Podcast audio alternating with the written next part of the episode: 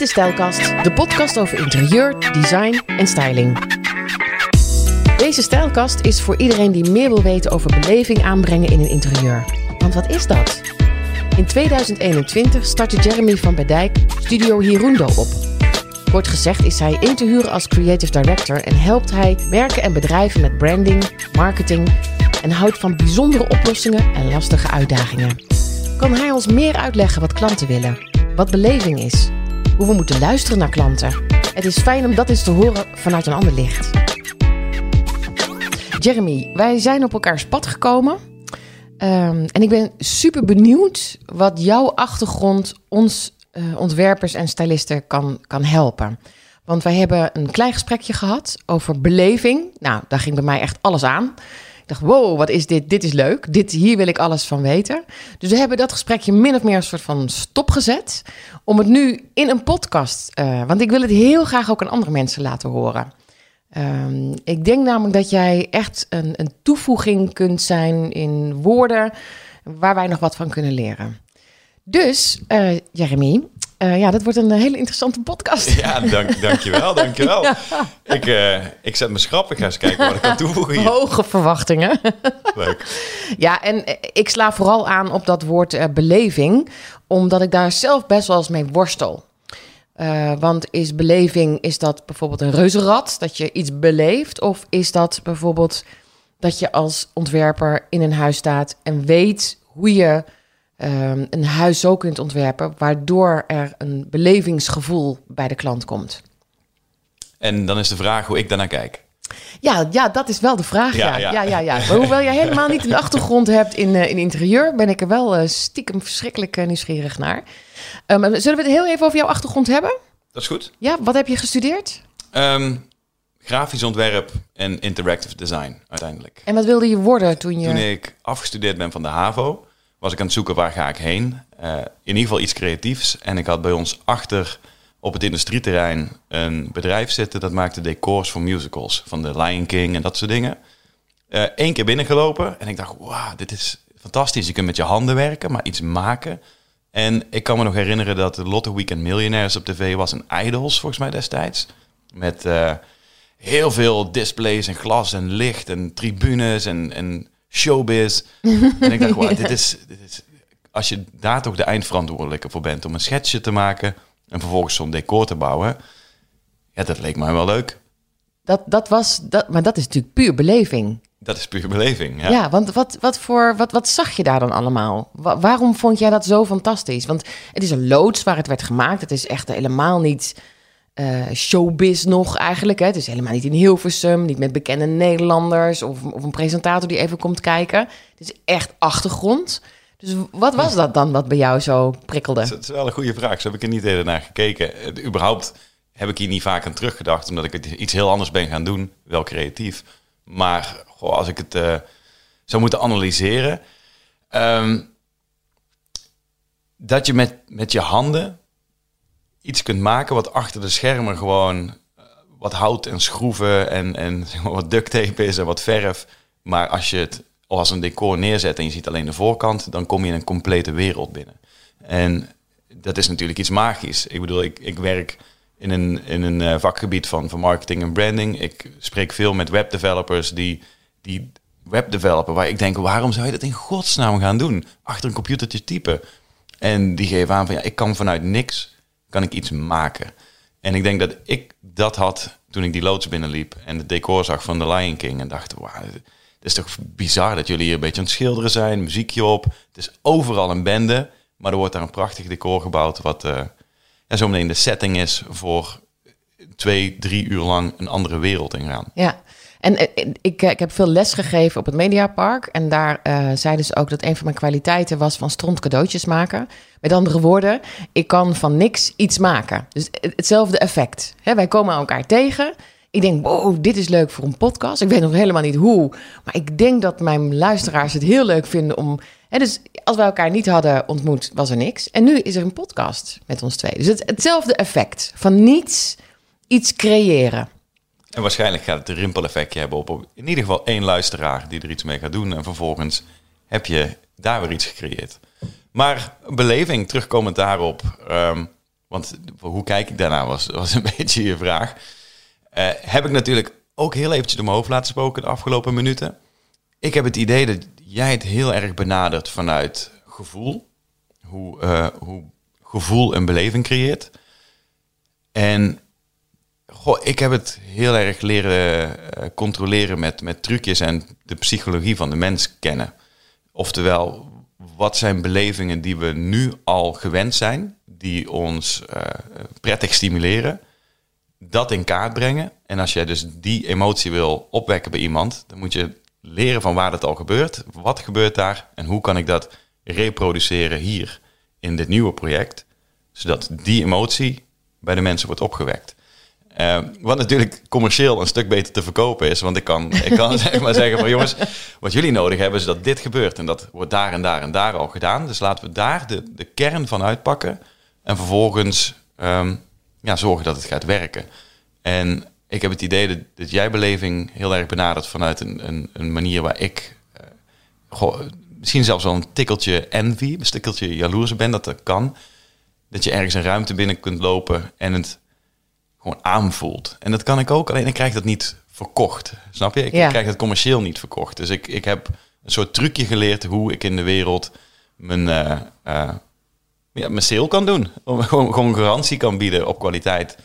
Uh, ook op het gebied van beleving. En ik denk dat dat ook best veel gebeurt in de wereld van, van styling en van, van interieurarchitectuur. Omdat je, je, je gaat mensen iets beloven en dan ja, zit er een, een, deadline op en een timing.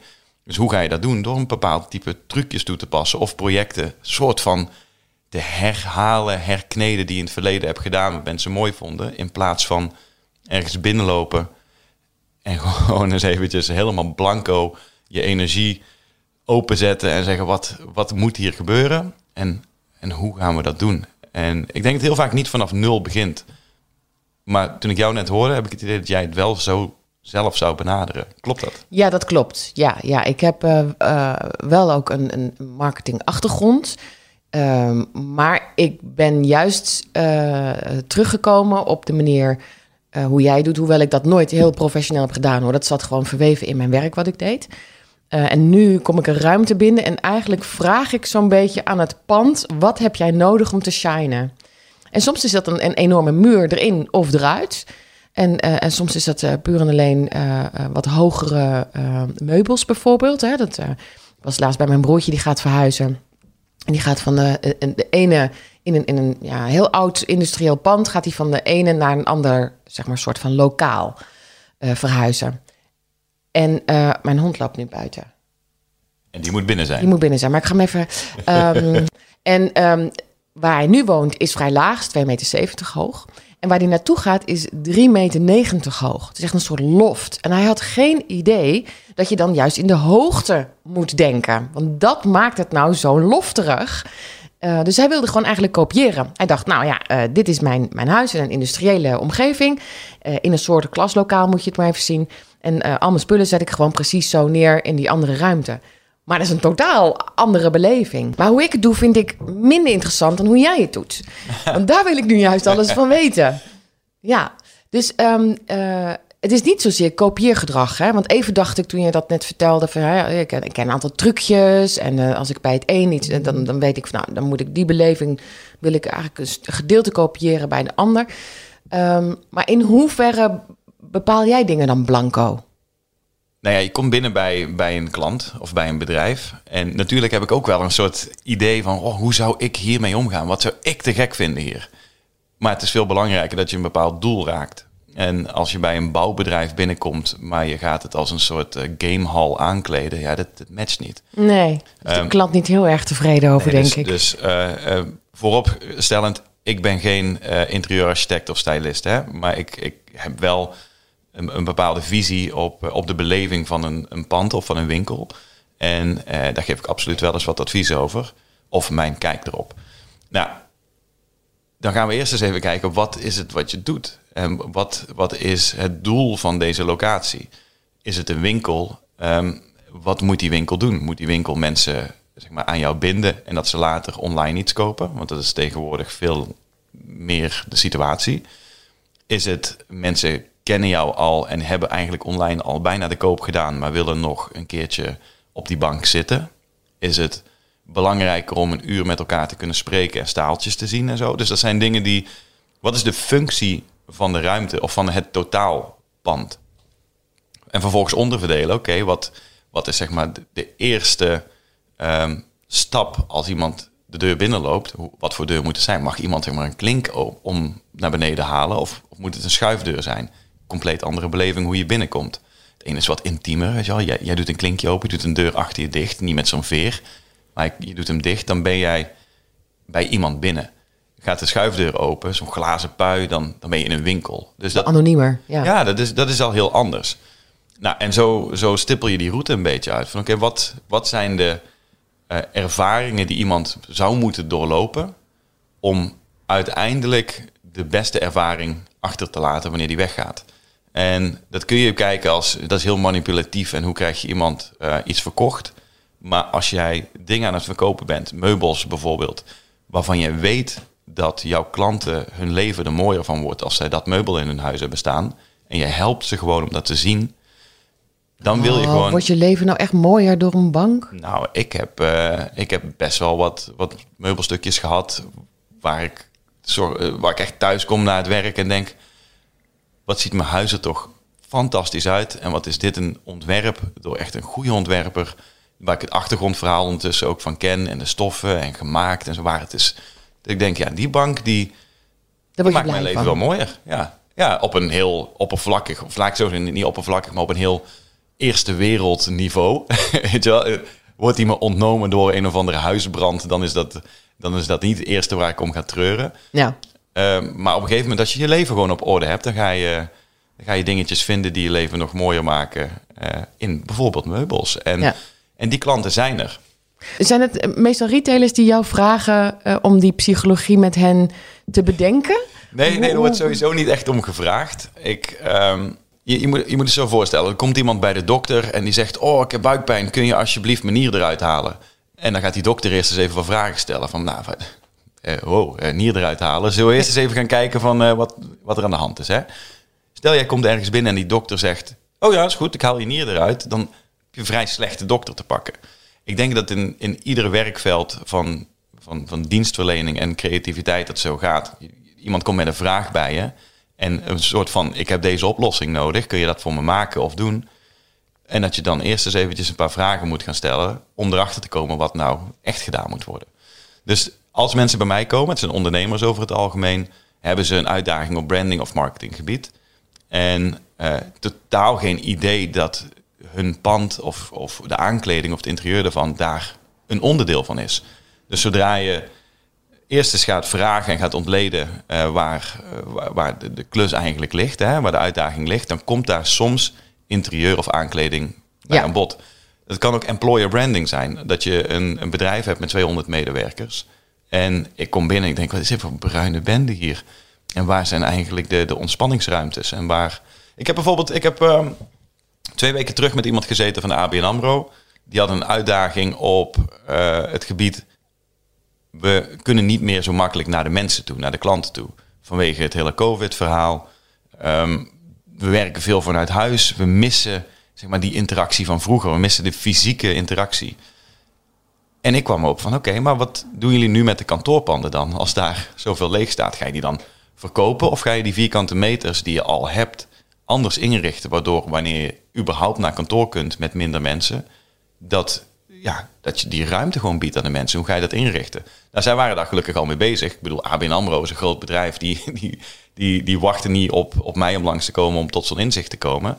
Maar heel veel bedrijven wel. Dus dan zit je eh, met bijvoorbeeld een 200 medewerkers of 10 medewerkers voor, voor mij spreken, voor mijn part.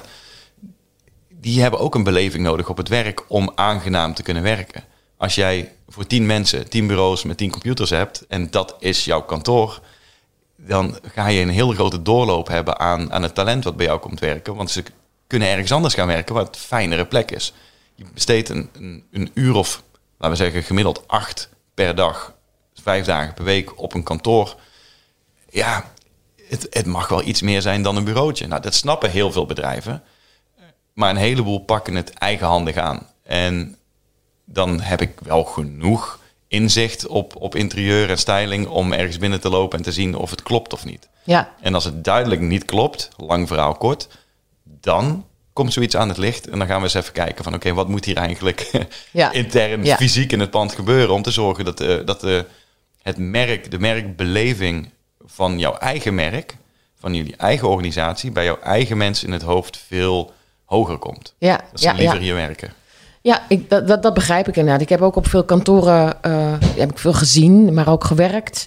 Ehm, waar ik eh, eh, zelfs ook zelf met, het, ehm, met de meubels ging Schuiven. schuiven en, en dingen op ging hangen. Omdat ik dacht, jeetje joh, ik, ik kreeg gewoon behoefte na een paar weken al om het mijn eigen te maken. En, want van daaruit werk ik kennelijk heel, heel lekker. Maar dat kon niet vanwege al die computerdraden die dan weer... Dus dan werd het weer een grote spaghetti soep. Dat mocht dan weer niet en eh, gedoe.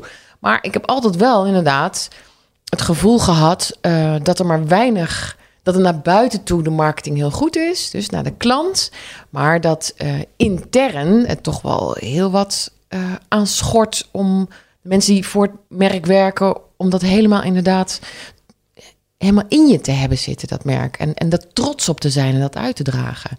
Maar dat, die, dat komt nu dus vaker voor. Je merkt nu wel dat bedrijven er echt mee bezig zijn. Waarschijnlijk heeft COVID en die hele periode daar ook mee, mee geholpen. Ik denk wat er heel erg ermee geholpen heeft, is dat eh, de wereld waar wij in leven, hier in Nederland, een steeds comfortabelere wereld wordt. Waardoor je, ehm, en eh, niet iedereen hoeft het hiermee eens te zijn, maar de gemiddelde mens steeds zwakker wordt. Je hebt minder uitdagingen in het leven, je hoeft je minder te bewijzen. Dus het wordt steeds meer comfort en je bent steeds meer comfort gewend. Waar eh, mijn, ouders gewoon keihard werkten. En die waren echt niet geïnteresseerd in wat voor koffie het was. Of, of het een echt een barista is. Of, of dat er een zitzak in de hoek is om eventjes te ontspannen met je oordopjes op. Of een of andere ehm, zenpot of zo. Zoals je, of een glijbaan naast de trap. They didn't care. Ze werkten gewoon keihard om te providen, om, om te, te voorzien voor het gezin. En ja, tegenwoordig eh groei je op met een heel andere generatie die wel het talent in huis heeft om de toekomst van jouw bedrijf vorm te geven. En jij moet een werkplek gaan creëren waar zij graag werken. Eh, is anders dan vroeger. Dus ik denk dat dat een heel groot deel meespeelt. ik snap dat je heel erg generaliseert, hè? want je zei Ja, al, er is ja. niet iedereen mee eens. En ik zie ook dat er misschien veel meer met handen werd gewerkt in onze ouderstijd dan nu. Hè? Het is heel ongelooflijk veel met je hoofd. En, en- en nadenken, computers. Dus je hebt eigenlijk maar een hele kleine ruimte nodig vaak om te werken. Nogmaals, we generaliseren behoorlijk nu. Maar een computertje of thuis met je laptop is vaak alweer voldoende. Ehm, en, en ja, dan, dan wordt beleving weer anders. Klopt. En het is, ik, ik denk voor de, de, de persoon aan de top, de ondernemer die uiteindelijk de eindverantwoordelijkheid draagt over het financiële plaatje van het bedrijf, eh, een eng gebied om het soort huiselijk te maken in een kantoor of heel gezellig te maken of dat soort dingen. Terwijl tegenwoordig is het gewoon zoveel, een, zoveel breder spectrum wat er voor een, een, een medewerker gecreëerd moet worden om een fijne werkplek te hebben, wat vervolgens een veel betere eh, zeg, kwaliteit van werk oplevert. Dus ja, dat is iets dat is nieuw. Dat is Ja. absoluut nieuw. En er zijn een aantal bedrijven, vooral in de techwereld, in de high-tech en in de software, die daarin vooruit lopen. En waarom zijn ze er eigenlijk bang voor om daar huiskamers van te maken? Ehm, het wordt wel heel comfortabel. Werk je dan nog wel hard? En dat is een ver van je bedshow, omdat de meeste ondernemers die vanuit niks iets opgebouwd hebben, gewoon heel hard, heel lang, heel veel werken, super pragmatisch te werk gegaan, eh, kernactiviteiten doen. En ja, die, die zien iedere minuut dat jij op een bank zit, dat ze zelf op een bank zouden zitten, als een heel onrustige tijd. Van wat, ik kan ook iets nuttigs doen in deze periode. En dan is het soms gewoon nodig om die, die, die, die kloof te dichten met een stukje ehm, advies. Iemand, als, als iemand jou, zeg maar, zo'n ondernemer jou aan boord haalt van hé, hey, ik snap dit niet, maar jij bent een expert, want eh, X, Y en Z, je hebt het blijkbaar bewezen. En ik heb hier een, een, een hele groep medewerkers waar ik ongelooflijk veel van hou, die voor mij een prachtig bedrijf neerzetten. Eh, maar ik snap niet precies wat ze nodig hebben. Maar ze hebben duidelijk iets anders nodig dan alleen een computer en een bureau. Help mij. Nou, en ik vind dat een hele mooie case waar een heleboel eh, eh, werk in is op het moment ook. voor interieur en styling. En dan kom je 100% op het woordje beleving uit. Want ja, wa- wat ga je dan doen? Juist. wat ja. ga je dan nou, we zijn er eindelijk. Ja. Nou, dan hoor ik van jou wat we dan moeten doen. Nou ja, nee, dat, dat, is, dat is per case verschillend. Maar wat je vooral maar, moet maar doen wacht is even, want, luisteren. want ik wilde eigenlijk nog even weten. Ik denk dat, dat ook dat wel aan het veranderen is. Hè? Die mindset van zo'n directeur die denkt: ja, maar wacht Hmm. even, eh, je staat buiten te roken of eh, eh, je zit op een bank of eh, je staat te lang in de pantry. Eh, omdat we hebben gezien dat mensen die thuiswerken, wat vroeger ook echt een no-go was, hartstikke goed is gegaan. Over het algemeen weer. Maar er heeft, het is niet zo dat Nederland massaal thuis is gaan zitten en gaan zitten niksen. Weet je, dus ja, wellicht doen Ja, ze ja. toch iets op die bank als ze daarna eenmaal een minuutje te lang eh, eh, zitten. Absoluut. Niemand, vrijwel niemand is in de kern van mens zijn in staat niks te doen. Weet je, je wil productief zijn en je wil iets maken en je wil eh, voldoening in het leven. Je wil iets nuttigs doen. Ja, Ehm, dus na een paar dagen thuis zitten en, en Netflixen onder de basentijd, wat sommigen vast wel eens hebben gedaan, ja, kom je toch erachter dat je of achterloopt op je, op je werk en je deadlines als je die hebt, of dat je toch gewoon iets meer wil doen. Want ja, wat, wat Ja. ben je anders aan het doen? Dus eh, ik ben heel blij dat dat een van de kanttekeningen is van de hele COVID-situatie. dat, dat we hebben gezien dat dat werkt. En dat het een enorme shift gaat creëren, of al heeft gedaan, ja, op dat gebied. ja. Ehm, dus ja. ehm, En want ik wil het heel graag hebben over die psychologie waar je het over hebt. Eh, De psychologie. En je zei net van ja, er is eh, behoorlijk wat eh, werk losgekomen voor ontwerpers en stylisten om, ja, om, om die verandering, die beleving in werkgebieden, om, die, om die voor elkaar te krijgen. En wel- welke wil je eerst beginnen? Met de psychologie of eh, eh, waar je dat werk dan ziet en, en hoe ze dat oplossen? Hoe... Stel maar een vraag en ik, eh, ik draai een plaatje. Zeg maar. Nee, Nee. hoe wij draaien? Ehm, ja, maar hoe zit die psychologie in elkaar? Nou ja, er zijn 7 miljard mensen op aarde en ik ga niet het heilige woord verkondigen. Dus dit is wat ik weet. We draaien in patronen. En dat patroon verschilt per cultuur en per tijd. We zitten nu in Nederland in 2021 en er is een bepaald ehm, logische manier hoe je brein werkt, omdat hij het al 10.000 keer heeft gezien. Als jij een, eh, de tv aanzet en je gaat naar Netflix en je klikt een serie aan, dan wil je dat alle afleveringen er zijn. Je wil niet meer zeg maar, wachten tot volgende week voor aflevering 2 en dan op het juiste tijdstip. Dat is iets, wat, dat is beleving. Als jij dus nu als een bedrijf iets gaat uitbrengen van, weet ik veel, een, documentaire serietje om jouw bedrijf te promoten, Ehm, ja, hou daar rekening mee hoe de psychologie van iemand werkt tegenwoordig. Als je het hebt over eh, pretparken bijvoorbeeld, waar we het straks over hadden, of andere events. Er zijn zoveel events die nu een, een toegangsbandje of iets met een QR-code van tevoren opsturen, zodat jij eh, veel sneller bij de ingang doorheen kunt en binnen kunt zijn. Dat je niet zo lang in, in de rij hoeft te staan. Wat vervolgens een heleboel meer tijd binnen de poorten oplevert om geld uit te geven aan allerlei merchandise en horeca. Maar dat terzijde, mensen zijn gewend om dat gemak te hebben en die snelheid. En en zijn gewoon beu om te wachten. Wil je rekening mee houden? Dat, dat zijn hele belangrijke onderdelen Ja. om een, als het een event is, om een tweede keer een event te kunnen doen. Want als de mensen de eerste keer een slechte beleving hebben, dan komen ze niet meer terug. Eh, een winkel is net zo goed een event. Hè? Een, winkelbezoek is een event. Dus eh, in, op dat gebied kijk ik naar psychologie. Wat zijn de patronen die het, het, het eh, most common, hoe noem je dat? Het meest voorkomend Meest zijn. voorkomende, ja. Het gemiddelde patroon van jouw doelgroep. En als je die weet te, te pinpointen, wat dat patroon is en hoe dat gaat, dan wil je daar vooral gewoon gebruik van maken. Ik kan hem heel makkelijk op een compleet ander gebied uitleggen. Kijk naar ehm, Instagram of Pinterest, for that matter, voor, voor jullie eh, ehm, industrie. Je hebt een algoritme erachter zitten. En als jij voldoet aan alle pluspunten van het algoritme, dan zul jij meer bereik hebben. Dat houdt soms in dat, je dingen, dat er dingen van je gevraagd worden door het algoritme die niet in jouw natuur zitten. Zoals eh, bij Instagram dat je ongeveer om de twee uur een story deelt en dat je elke dag een post hebt en dat je live gaat en dat je reels eh, uitbrengt en zo. Dat je denkt, ja, heb ik toch helemaal geen zin in. En dan kun je of tegendraad zijn en het op jouw manier doen. Waardoor je als een soort kooikarper tegen het water in probeert te zwemmen. Ehm, dan moet je al wel een hele mooie identiteit hebben met een heel groot netwerk om daar doorheen te beuken. Of je zegt gewoon, goh, dus dit is hoe het algoritme werkt.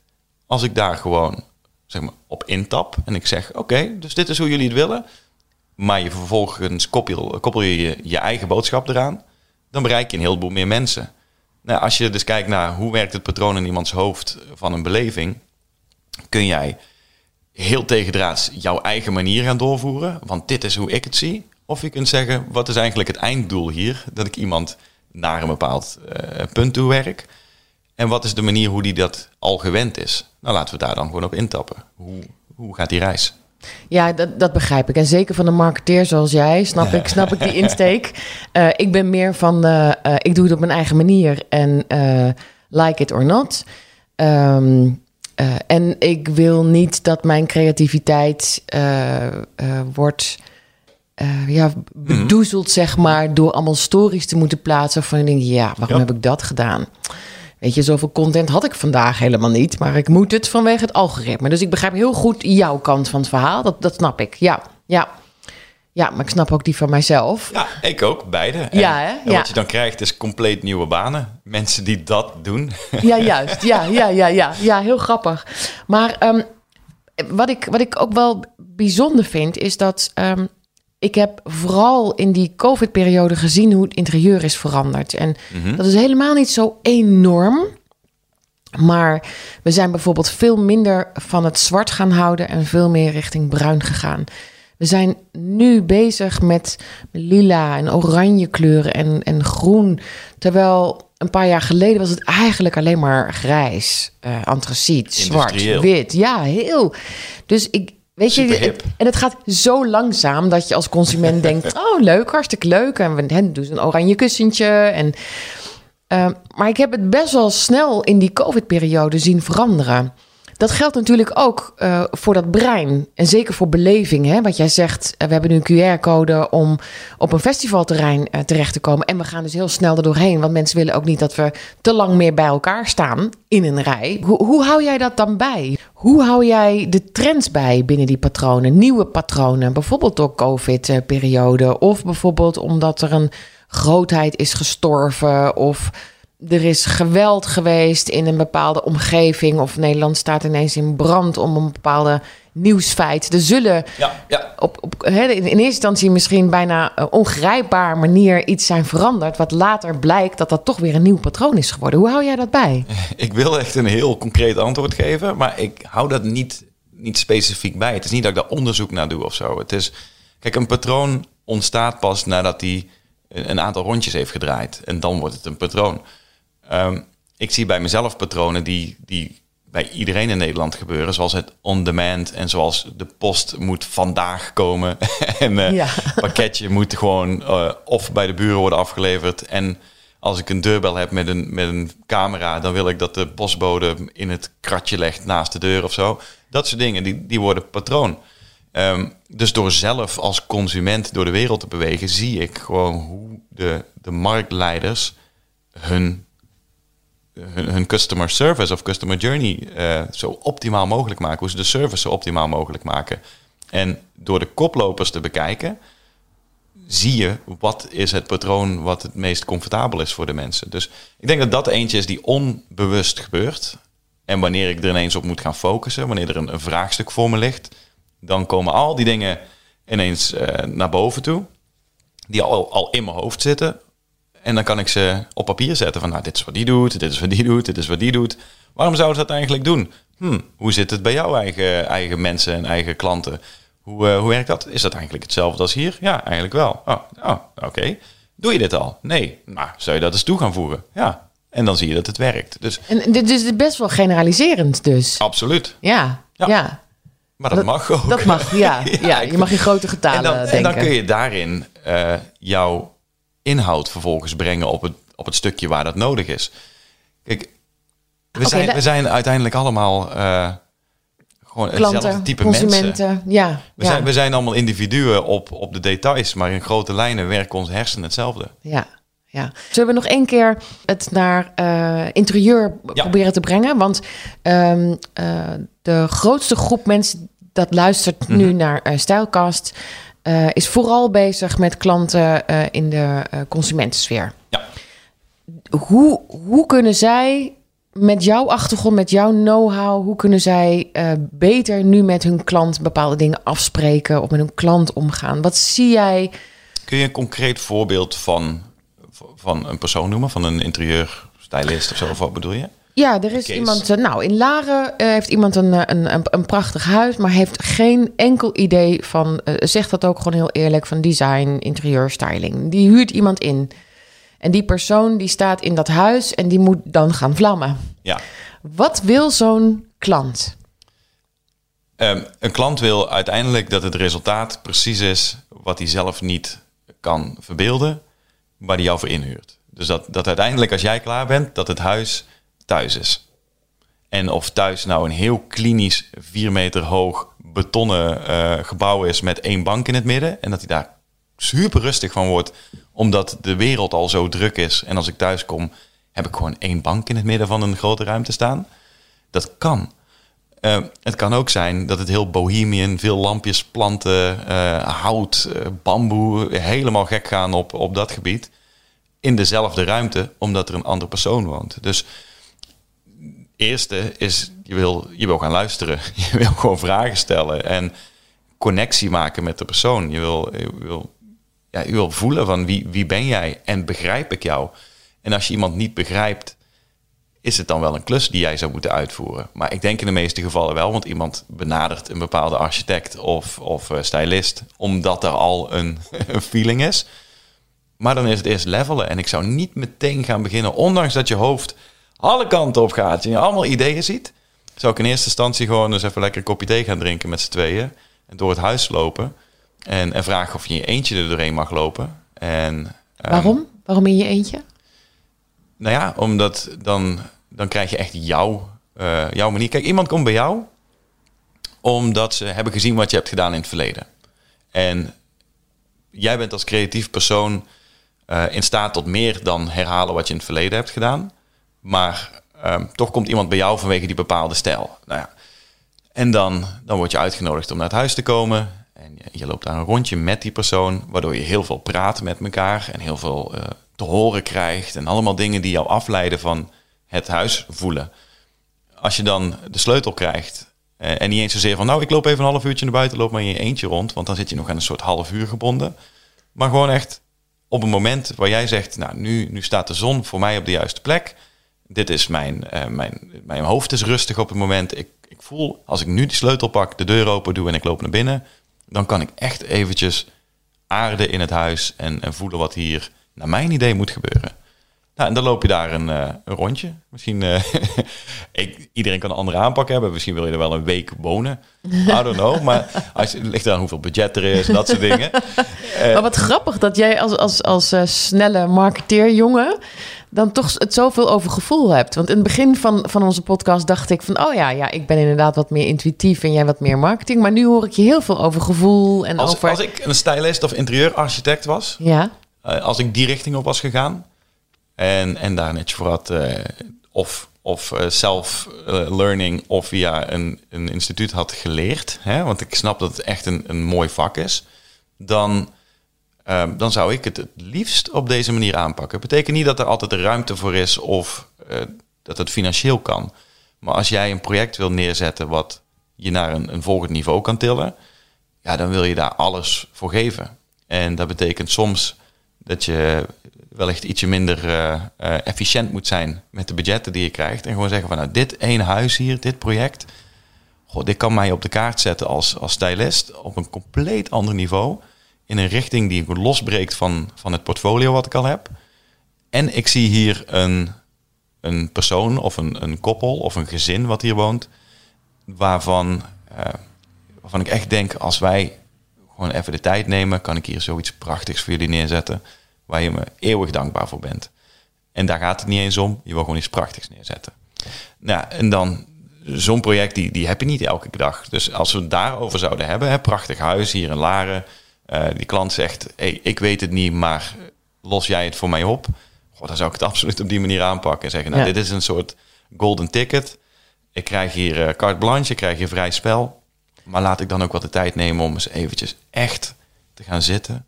En die beleving die komt op het moment dat je ze goed kent. Het is een samenwerking. Het is een samenwerking. Je hebt uiteindelijk iemands anders huis waar iemand anders komt te wonen, die jou toevertrouwt om het voor hun op de juiste manier in te Ja. richten. Dat is best wel een ding. Ja, en dat is het verschil.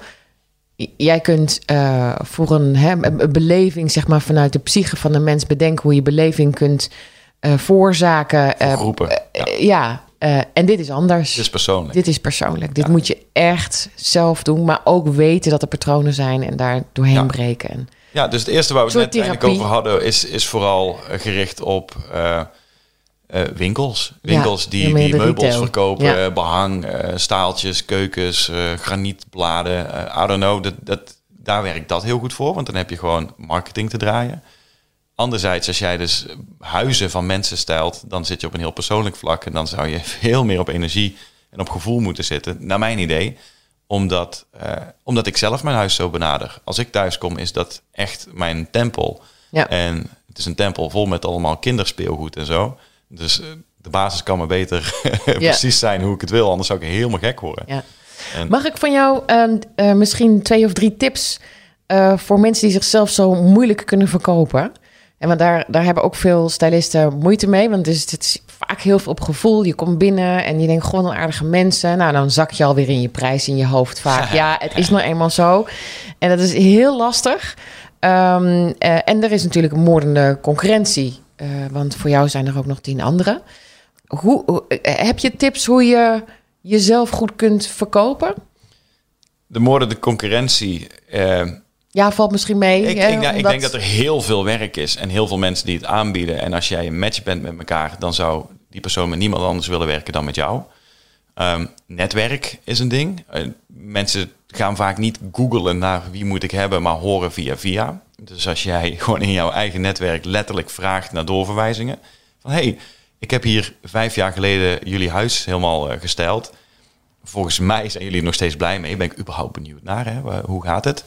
En nou ja, eh, ik heb een bedrijf. Jullie eh, hebben dit van mij afgenomen. Waarschijnlijk heb je wel wat vrienden die ook een, een huis hebben. Als er ooit iemand komt die in een nieuw huis gaat wonen, die op zoek is naar een stylist, Denk aan mij. kun je eens gewoon eventjes mij noemen. Alleen als je ook echt tevreden bent over mijn werk. En dan gewoon loslaten. Maar je moet... Kijk, eh, een stichting die om geld vraagt, krijgt geld. Een stichting die niet om geld vraagt, daar weet je niet dat die bestaat. Het is zo grappig hoe, hoe, hoe doneren voor stichtingen werkt, omdat die, die doen gewoon hun mond open. Ehm, dus als het gaat om het, het, het verkopen of het closen van een deal, zaadjes planten. Niet zozeer, ik heb nu een opdracht nodig en vanuit een soort wanhoop proberen opdrachten binnen te halen. Gewoon zaadjes planten die misschien over vijf jaar uitkomen. Continu contact houden en menselijk zijn met je huidige klanten en je huidige netwerk. Dat zou één zijn. Ehm, twee, eentje die ik zelf heel erg toepas. Want ik ben, nou nou ja, eh, zeker niet, niet sales en commercieel ingesteld. Ik ben absoluut een maker en creatief in de kern. En ik heb eh, leren ondernemen. Maar als je heel goed bent in wat je doet, dan hoef je geen eh, ster te zijn in sales. Zeg maar, als je, als je verkoopt waar je goed in bent, hoef je niet goed te zijn in verkopen. En dat staat voorop. En dan is het gewoon een stukje zelfverzekerdheid over je prijs. En als iemand zegt, ik wil het voor minder, dat je denkt, ja, weet je, nee.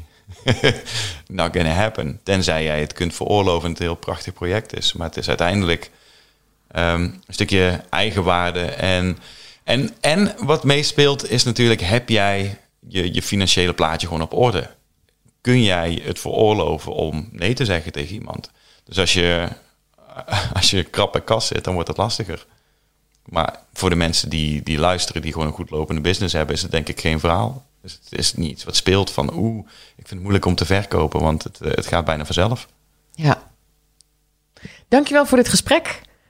Eh, ja, het, eh, jij ook? Ja ik, het heeft me toch wel weer aan het denken gezet. Ook omdat wij zo anders... eh, ik dacht dat wij heel anders dachten in het begin van, eh, van ons gesprek... maar uiteindelijk komen we best wel dicht bij elkaar.